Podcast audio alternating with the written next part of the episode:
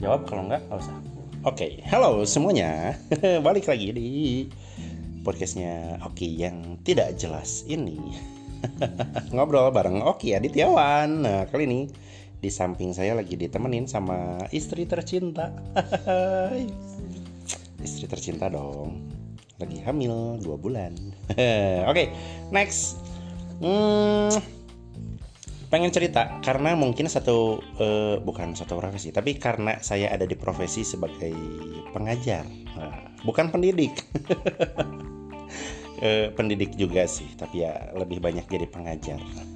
Nah di salah satu akun Instagram info pemburu beasiswa ada hashtag curhat mat eh apa? Tah, sorry. Curhatan mahasiswa. Nah, dan captionnya adalah sebuah tamparan untuk kita semua. Apa sih? Nah, ini rada seru juga. Jadi ada uh, mahasiswi membuat statement seperti ini. Aku mahasiswi semester 4 baca ginian semakin takut sama masa depan. Oh, ini udah banyak ketakutan banget ini cewek uh, apa ya kayak nggak percaya diri sama skillnya. Tapi ya udah nggak apa-apa. Dengan icon menangis. Dan kita lihat apa yang membuat eh, mahasiswa ini takut dengan masa depannya. Kita baca. Oh, ada artikel. Bagaimana menurut Anda tentang sarjana yang masih nganggur? Dijawab oleh seorang apa ya ini ya? Ini yang nanya apa yang ngejawab sih? Kayaknya yang nanyanya ya. Aplikasi apa? Oke bentar, kayaknya mah ini yang nanya. Jadi ada Angela Giovanni belajar psikologi diperbarui 23 September. Semua semula dijawab, mengapa banyak lulusan kuliah yang masih pengangguran? Oke, oh ini jawaban. Berarti beliau ini menjawab pertanyaannya. Isinya adalah saya seorang HR recruiter.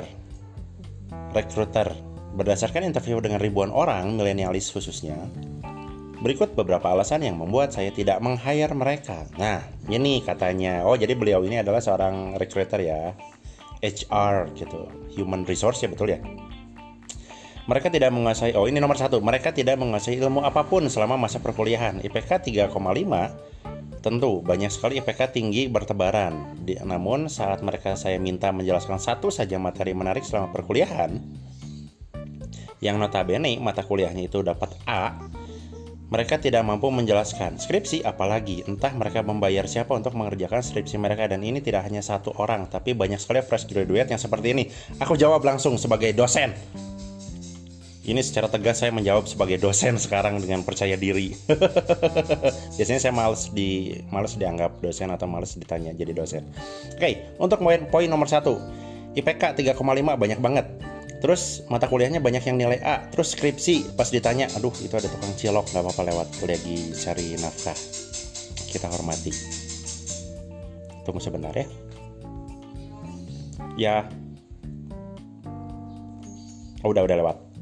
Oke, aku menjelaskan atau ingin mengemukakan pendapat karena punya hak bicara yang sama untuk eh, hal-hal uh, seperti ini. Sebagai pengajar yang pernah saya rasain, selama saya ngebimbing mahasiswa, kamu juga pernah jadi mahasiswa, Mbak ya? Iyalah. Hmm. IPK-nya 3,5 banyak banget yang punya IPK 3,5. Ya, tapi itu banyak yang palsu. Oke, udah selesai. Banyak yang fake. Banyak yang mereka cuma ngejar nilainya aja, IPK-nya gede-gede tapi isinya nol, kosong. Terus siapa yang salah? Kalau ditanya siapa yang salah, banyak dari dari mahasiswanya salah, iya, dari dosennya iya, dari kampusnya iya. Jadi banyak, ini complicated masalahnya. Tapi nggak sedikit yang punya IPK 3,5 atau lebih, itu mereka pintar-pintar juga. Jadi jangan disamaratakan. Nah, berikutnya untuk notabene nilai mata kuliah A itu gimana? Ya, sama seperti jawaban sebelumnya, banyak yang mahasiswa itu ngejar A tanpa tahu esensi dari mata kuliah tersebut. Nggak tahu makna dari mereka belajar itu tuh untuk apa itu banyak yang nggak tahu. Jadi yang kalau misalkan ditanya salah siapa banyak itu mahasiswanya iya, dosennya iya, kampusnya iya banyak juga. Tapi nggak sedikit juga yang mereka benar-benar pinter gitu ya. Jadi jangan disamaratakan. Lalu nah, skripsi ya untuk masalah skripsi kita nggak bisa nutup mata banyak sekali agen-agen agen-agen skripsi yang minta bisa ngerjain selesai. Tapi nggak sedikit juga yang mereka pinter dan ngerjain sendiri. Oke, okay? nah itu. Berikutnya, nomor 2. Attitude sangat buruk. Mereka tidak menunjukkan sopan santun. Justru terlihat Eh, mana tadi justru terlihat menggurui dan merasa paling pintar sedunia. Tidak ada senyum, wajah ditekuk, tidak ada antusias. Ketika ditanya kenapa mendaftar di sini, mereka jawab dengan hanya jawaban mereka butuh duit. Come on, tolong jangan menjawab sepolos itu. Kita semua tahu kamu butuh duit. Please, jawablah sedikit dengan mempromosikan dirimu. Ya, attitude ini parah pisan. Saya yang mungkin hmm, saya baru bentar sih kerja di eh, pendidikan gitu ya, baru tiga tahunan lah. Eh, ya baru tiga tahunan lah saya ke- kerja sebagai instruktur gitu, ya, sebagai pendidik atau misalkan sebagai dosen gitu. Tapi kalau misalkan dilihat attitude gitu ya, nggak bisa dipungkiri zaman milenial atau zaman zaman milenial anak-anak milenial atau generasi Z ini nggak dipungkiri attitude-nya parah banget. Makanya kenapa anak-anak 90-an gitu ya anak-anak perjuangan anak-anak orba gitu suka suka ngomongin attitude karena mungkin ya perbedaannya di situ. Kita nggak bisa nyalahin zaman kita nggak bisa nyalahin mereka tapi ya faktornya banyak yang mempengaruhi kenapa attitude mereka bisa seburuk ini jangankan saat nyari kerja mungkinnya saat saat sekarang gitu kasus yang kita bahas sekarang. Di kelas aja di kampus aja kadang banyak anak-anak yang attitude-nya itu amburadul. Berani sama orang tua ngelawan sama orang tua walaupun memang tidak salah tapi mungkin cara penyampaiannya yang itu buruk banget. Saya pribadi nggak mikirin pusing soal itu karena saya sendiri nggak mau capek untuk ngurusin attitude orang lain apalagi anak-anak lain. Saya hanya menjadi seorang eh, pengajar yang mungkin bisa masuk ke dunia mereka dan mencoba memahami mereka. Dengan sedikit-sedikit ngajarin ke mereka agar bisa menjadi eh, pribadi yang mungkin jauh lebih baik. Tapi ya tetap susah juga apalagi kalau misalkan anak-anaknya punya bad attitude dari awalnya atau misalkan mereka tercemar juga atau misalkan banyak faktor lain. Tapi saya setuju kalau di sini. Poin nomor tiga baru saja lulus tapi minta gaji setara manajer. Kalau ini tergantung dari kampusnya kalau saya pikir. Di kampus kamu kayak gimana beb kamu kampus negeri? Banyak yang kayak gitu nggak teman-teman kamu? Enggak. Sih nggak kalau misalnya eh, expect mereka dapat gaji besar iya Hmm. pasti. Cuman Hmm. eh, aku punya teman-teman yang enggak mematok saya lulusan dari sini Hmm. saya harus punya gaji segini minimal. Enggak sih enggak sampai nggak sampai segitu. enggak, enggak sampai Oke, berarti mungkin ini by case ya. Case ini berarti mungkin kampus-kampus tertentu atau kampus-kampus yang mungkin punya nama dan anak-anaknya menggantungkan nasib mereka dengan nama besar kampusnya. Ini banyak yang seperti itu. Kayak kasusnya dulu yang Raditya Dika ya. Hmm. Bukan Raditya Dika sih kasusnya, tapi ada anak UI yang dia masuk kerja terus minta gaji berapa? 8 juta ya? Mm-mm. Eh dikasih 8 juta tapi nggak mau. 8 juta itu 8 juta itu udah gede banget loh gitu. iya 8 juta itu gede banget loh buat saya pribadi. Apalagi buat fresh graduate. Buat fresh graduate itu 8 juta gede banget loh. BUMN aja. Si Ade berapa? Kan baru masuk itu udah lima setengah lah lima lima setengah. Itu untuk fresh graduate 8 juta itu bukannya disyukuri malah gitu ya terserah lah. Jadi tergantung mentalnya sendiri. Tergantung mental orangnya. Karena mungkin ngerasa kuliah di kampus besar jadi akhirnya ekspektasi gaji gede ini mungkin ya di kota-kota besar. Tapi kalau misalnya kita ngelihat sisi yang lain di kampus-kampus kecil di kota-kota kecil atau misalkan kita saya ngomonginnya di Bandung aja saya kampus di Bandung dan kampusnya bukan kampus yang besar kampus swasta yang mungkin kecil menuju besar amin. Tapi ya kita anggap sekarang ini kampus masih kampus kecil. Mereka lulus aja udah bisa kerja itu sudah bersyukur. Gitu. Jadi Iya, kalau misalkan kita ngomongin ekspektasi ya mungkin tiap orang punya ekspektasi lebih untuk dibayar eh, tinggi, tapi ya nggak semuanya bisa disamaratakan. Kalau kebanyakan di kampus gitu ya, karena mungkin eh, dari kampus kecil, jadi mereka berharap ah udah digaji pun sesuai UMR atau di atas UMR sedikit itu sudah bersyukur. Jadi tergantung orang dan pribadinya. Nah berikutnya Poin nomor 4, tidak mempelajari sama sekali mengenai perusahaan yang di-apply, di-apply, di-ap- di-ap- Di-apply. di-apply.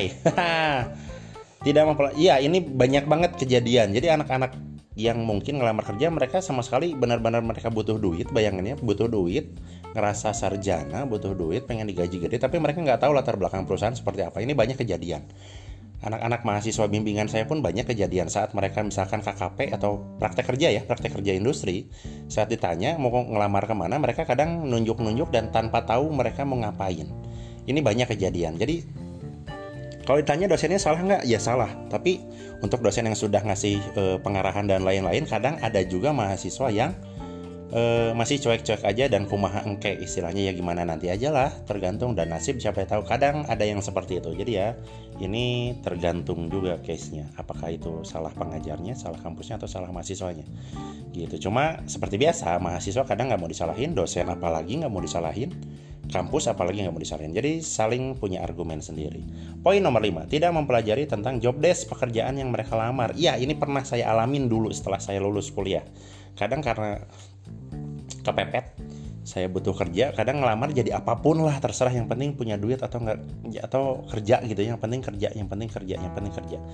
Dan ini uh, real banget tidak mempelajari job desk. Jadi akhirnya lulusan apa ngelamar jadi apa lulusan apa ngelamar jadi apa tanpa tahu apa yang dikejar. Jadi saat ketemu HR biasanya suka AE AE bingung. Jadi kelihatan bodohnya gitu ya. Saya juga ngalamin pribadi itu jujur. Tapi eh, mungkin karena keadaan akhirnya jadi melakukan hal-hal seperti itu. Kamu pernah nggak ngelamar di luar job desk? Pernah. Pernah. Sama kan? Berarti orang mungkin karena butuh duit butuh kerja akhirnya ke mana aja lah yang penting kerja gitu kan. apalagi dengan tekanan orang-orang yang belum kerja gitu kan. Iya kadang kan fresh graduate udah lulus oh masih nganggur. Oh masih nganggur nih udah lulus S1 kan brengsek gitu ya. Kadang tetangga itu seperti itu. Tetangga kita juga diantar tetangga sih keluarga. Keluarga juga sama jadi kadang ya itu bangsatnya keluarga dan tetangga itu kadang nggak tahu kondisi kita seperti apa perjuangan kita seperti apa. Mereka kan cuma bisa komentar gitu. Jadi ya mungkin ini bisa jadi salah satu sumber juga kenapa teman-teman yang fresh graduate ngelamar kerja ke mana pun yang penting bisa kerja. Karena mereka nggak kuat ditekan mental oleh keluarga sendiri atau tetangga atau teman sendiri. Kadang seperti itu oke? Okay? itu poin nomor 5 poin berikutnya nomor 6 CV yang acak-acakan penuh tipe foto selfie bahkan ada yang menggunakan email dengan email yang nggak sepantasnya. Semacam mungkin email-email lucu. Astaga tepok jedat ya ini yang harus diperhatikan. Ya kadang kalau satu sisi saya nyebutnya ya mungkin namanya anak baru lulus atau misalkan anak muda lah masih banyak banget kesalahan. Itu nggak apa-apa. Saya pikir kalau misalkan di awal-awal itu masih terjadi hal-hal seperti ini ya wajar. Tapi kalau misalkan anaknya atau orangnya sendiri tidak introspeksi itu yang jadi masalah. Tapi kalau misalkan dari awal anak tersebut atau fresh graduate tersebut sudah prepare segala rupa kemungkinan nggak akan terjadi hal seperti ini. Tapi ya mungkin pasti banyak kasusnya lah ya. Mungkin sampai HR sampai bisa bikin referensi kayak gini berarti banyak banget. Jadi buat kalian semua yang ingin ngelamar kerja apalagi fresh graduate perhatikan CV-nya foto email coba bikin email yang mungkin resmi lah nggak asal-asalan atau nggak lucu-lucuan karena itu bakal jadi jati diri kalian saat kalian nanti ngelamar kerja oke itu juga bakal jadi perhitungan oleh HR kalian diterima atau enggak sorry sorry berikutnya ada nomor 7 ini poin terakhir tidak memiliki pengalaman organisasi, volunteering, magang, kegiatan apa pun selama kuliah. Lalu dari mana kamu dapat eh kami dapat menilai Anda jika pekerjaanmu hanya kuliah saja. Nah, ini yang sering diomongin. Jadi kegiatan mahasiswa itu kompleks selain kuliah tetap harus berorganisasi karena itu bakal jadi penilaian HR. Cuma, nah HR pun harus ngerti juga kalau aku pikir ya nggak semuanya mahasiswa itu aktif di kampus atau nggak semuanya mahasiswa itu bisa berorganisasi. Jadi harus ada uh, win-win solution ya kalau saya bilang kayak gitu gitu ya. Kalau misalkan memang mahasiswanya mahasiswanya aktif, ya suatu keuntungan ada nilai lebih dari se se sekedar kuliah, dari sekedar nyetor ijazah atau transkrip nilai ada pengalaman-pengalaman lain. Cuma masalahnya kan nggak setiap orang itu kadang bisa berorganisasi. Jadi harus ada jalan tengahnya dong. Nah, gitu. Dan mungkin untuk beberapa profesi tertentu eh, keorganisasian saya pikir nggak penting juga. Kenapa? Karena tidak semua jurusan itu butuh eh, hal-hal eh, tambahan atau suplemen kayak gini organisasi atau volunteering atau dan lain-lain. Contohnya apa aja? Contohnya di jurusan saya sendiri DKV gitu. Anak-anak DKV itu terkenal unik gitu ya. Dia kadang banyak yang nggak mau berorganisasi tapi dia fokus dengan uh, skillnya sendiri, dengan portofolionya sendiri dan itu bisa aja dapat kerja dan harganya bisa fantastis justru. Jadi ini opsional sih kalau poin nomor 7. Bisa perlu, bisa enggak, tergantung dari pekerjaan apa yang Anda lamar. Nah, Gitu, kurang lebih itu beberapa hal yang membuat banyak pengangguran tidak mendapatkan pekerjaan menurut Mbak ini yang sebagai HR. Kami sebagai perusahaan pun dibuat pusing banyak lulusan yang tiap tahunnya tetapi hanya sedikit yang qualified untuk mengisi posisi yang kosong. Sorry kalau jahat, tapi itulah kenyataannya. Jadi buat kalian yang belum dapat kerja, mungkin ada beberapa hal yang bisa kalian ubah selama perkuliahan untuk mendapatkan perusahaan. Jadi buat teman-teman semua yang mendengarkan, prepare dari sekarang gitu ya. Kalau misalnya kalian mau ngelamar kerja, siapin CV-nya, siapin organisasinya, siapin dulu mental kalian untuk ngelamar kerja. Tidak ada alasan untuk takut saat kalian lulus kayak mbaknya yang ini. Aku mahasiswa aku mahasiswi semester 4 baca ini ginian kok jadi takut sama masa depan. Jangan takut sama masa depan. Hadapin aja. Jadi tinggal kalian aja prepare gimana caranya kalian mempersiapkan diri untuk siap menghadapi dunia kerja kalau nggak kuat-kuat banget ya udah nikah aja jadi ibu rumah tangga. Kalau suaminya banyak kalau suaminya suaminya banyak duit ya nggak apa-apa. Tapi kan ya ya gitulah. You know sendiri kehidupan tidak seindah dengan harapan kadang. Jadi itu ceritanya dan itu langsung jawaban yang saya kemukakan. Oh menyenangkan. Ini cerita semangat banget apalagi hari minggu di rumah santai-santai ditemenin istri. Ah, luar biasa romantis. Oke ketemu lagi di episode berikutnya dengan ngobrol bareng Oki intinya kumaha aing kumaha sia terserah gitu ya jadi semoga bisa sedikit jadi hiburan lah Terima kasih banyak sudah mendengarkan. Sampai ketemu lagi. Bye bye. Mwah.